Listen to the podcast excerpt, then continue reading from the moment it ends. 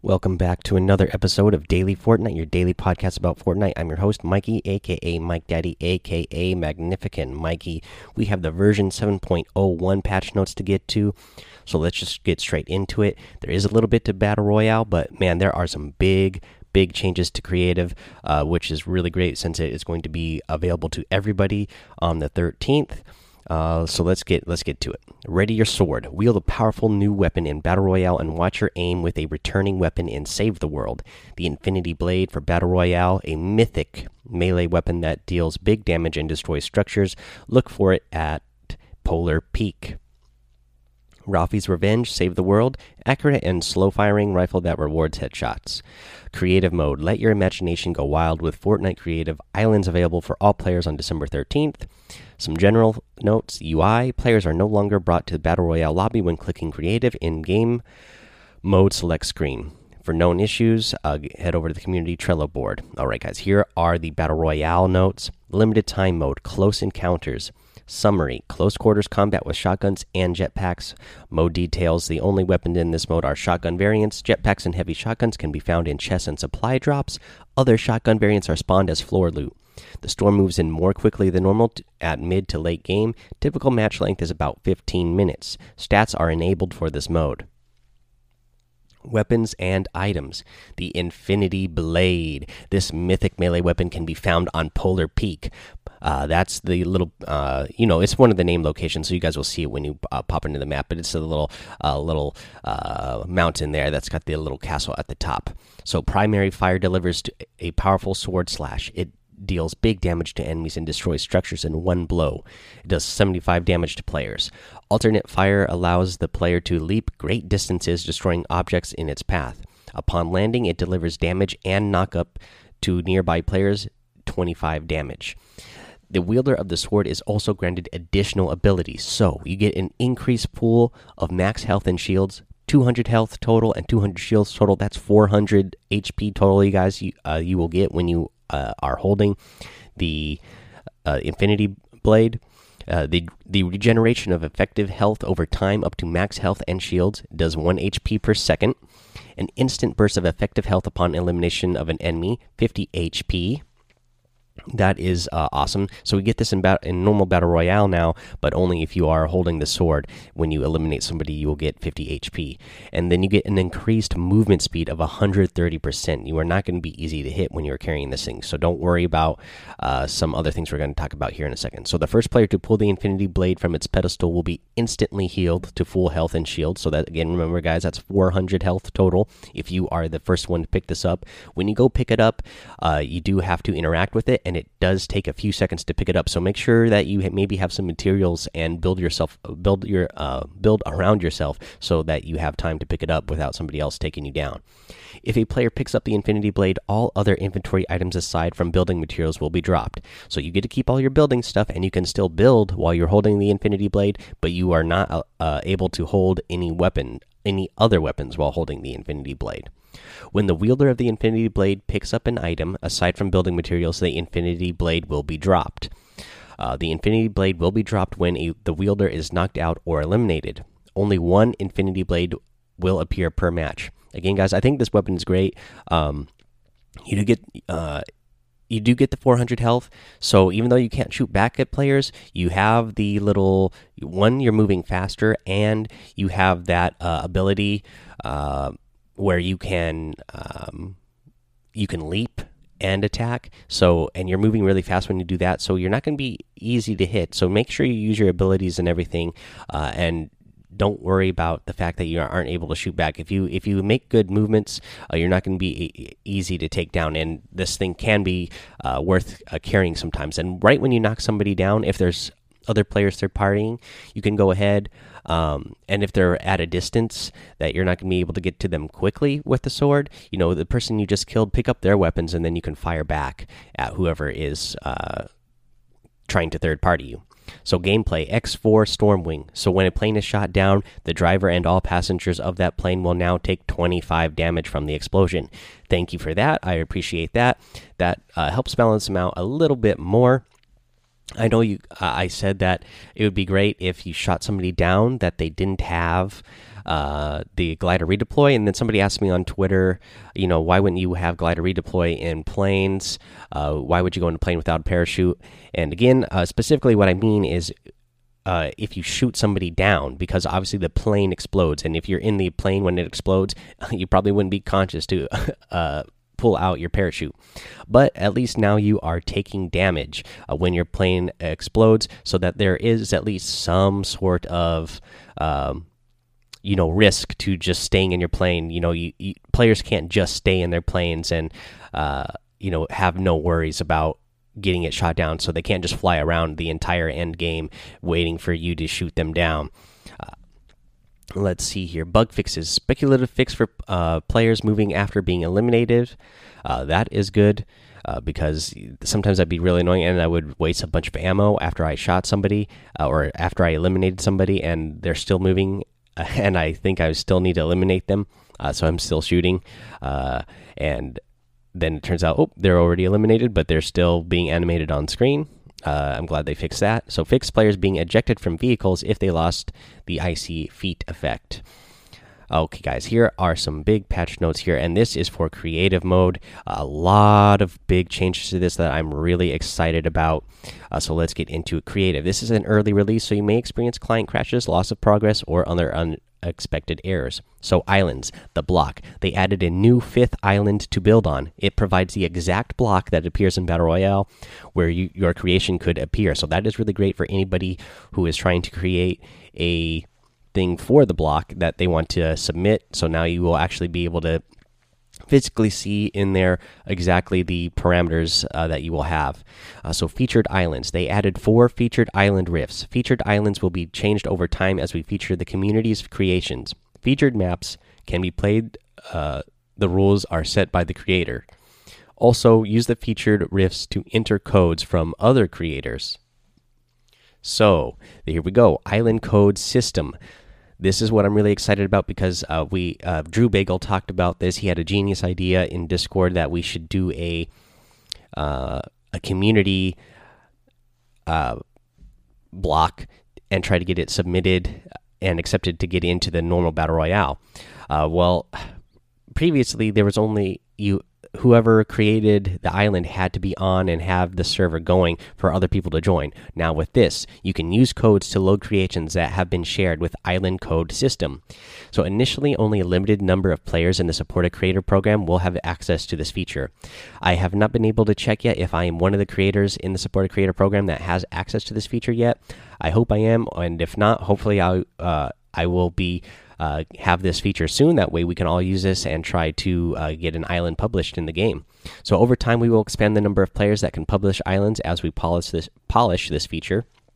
To use a code, go to the feature rift and select enter code and follow the instructions. Post your creations to Reddit, YouTube, Twitch, or any other social channels. We may reach out and provide you the ability to publish your creation. So that's really exciting, guys. And again, uh, uh, I haven't been able to get on there yet to see if I am, but after I get home from work today, I'm definitely going to see if I am. And if I am on that list, I am definitely going to set that up so that we can all uh, go ahead and uh, try to uh, share and uh, edit something together to get it into the game. So here are bug fixes. Uh, they fixed an issue where respawning on Creative Hub could cause your player to leave the island. They fixed various problems with island rifts not functioning correctly. Fixed island rifts not showing the correct island name and player count in some cases. Fixed an issue that prevented player inventory from being reset and returning to Creative Hub. Fixed players appearing to fall through the ground in replays when teleporting between islands. Fixed bug where the same friend's server could appear multiple times in Creative Server Select. Fixed an issue that prevented players from placing building tiles on certain islands and fix an issue where players would not be able to spawn on your island when building tiles or props uh, were in the way. So for prefabs, six new Lucky Landing prefabs. Uh, obstacle course. The obstacle course gallery was split into four separate gallery prefabs: floors, walls, roofs, and stairs and parts. New drops were added to the parts gallery. Go check it out. The indestructible gallery. This gallery contains props that cannot be destroyed by weapons. New indestructible props and building tiles were added to the gallery prefab a few other prefabs were updated with a new building tiles and props. That's really exciting that you can build uh, things that can't be destroyed because there are structures in Fortnite itself, you know, like mountains and things that can't be destroyed. So that, if you're trying to build something that's an obstacle that can't be destroyed in in your creation, uh, now you're going to be able to do that. That'll be something that people actually have to go around and they can't just you know break your way through. So that will make it a little bit more uh, just like what you would see in the game with certain structures. So that is pretty neat. Let's see here for devices. They have a new item spawner. Drop any item on the device so it uh, have spawn one item at a time during games. Uh, they have a new player checkpoint plate. Run across the checkpoint during a game, and next time you die, you will spawn there. Uh, player spawn device can now be customized to spawn only players on a specific team number. Uh, the team number is displayed on the plate, except when in the game, except when in the game is in progress. Uh, a player spawn device can now be set to be an island start instead of a game start. This can be used to set where players arrive when they visit your island when not in play mode. Uh, for bug fixes, they fixed issues with multiple devices able to be placed on one another. Uh, they fixed damaged rails being able to be placed on top of themselves, fixed vehicles not being removed when their vehicle spawner is detect deleted. Uh, they fixed a problem that could cause devices to malfunction after being saved and loaded. They fixed certain devices becoming indestructible after loading your island on a new server. Uh, for gameplay, the new settings in My Island menu, starting health can now be set to invincible. Uh, this prevents players from taking any damage on your island. Building damage in game. This can be disabled to prevent island structures from being damaged in game, has no effect on structures built by players during the game, and block building in game. When enabled, players will not be able to use. Uh, let's see here. So you can block people from building stuff if people are, uh, you know, if you're trying to build something and it seems like people are uh, trying to build and ruin what you're trying to build. Uh, when stopping a game, players are now returned to where they were before the game started. Bug fixes. Player inventory is now reset when a game is started and also after it finishes. They fixed games being called mini games in the UI in some places. Fix eliminated players respawning on the same spawn pad in some cases. Uh, the down but not out game setting not functioning correctly, and they fixed players not being able to to, damage structures in game after editing privileges were revoked by the island owner. They fixed a bug where disabling falling damage would not be remembered when loading your island.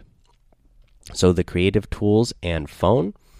Uh, the added collision option collision uh, can now be turned on and off when moving props. Toggle collision using uh, V, hold it on desktop, or the D pad left hold on controller.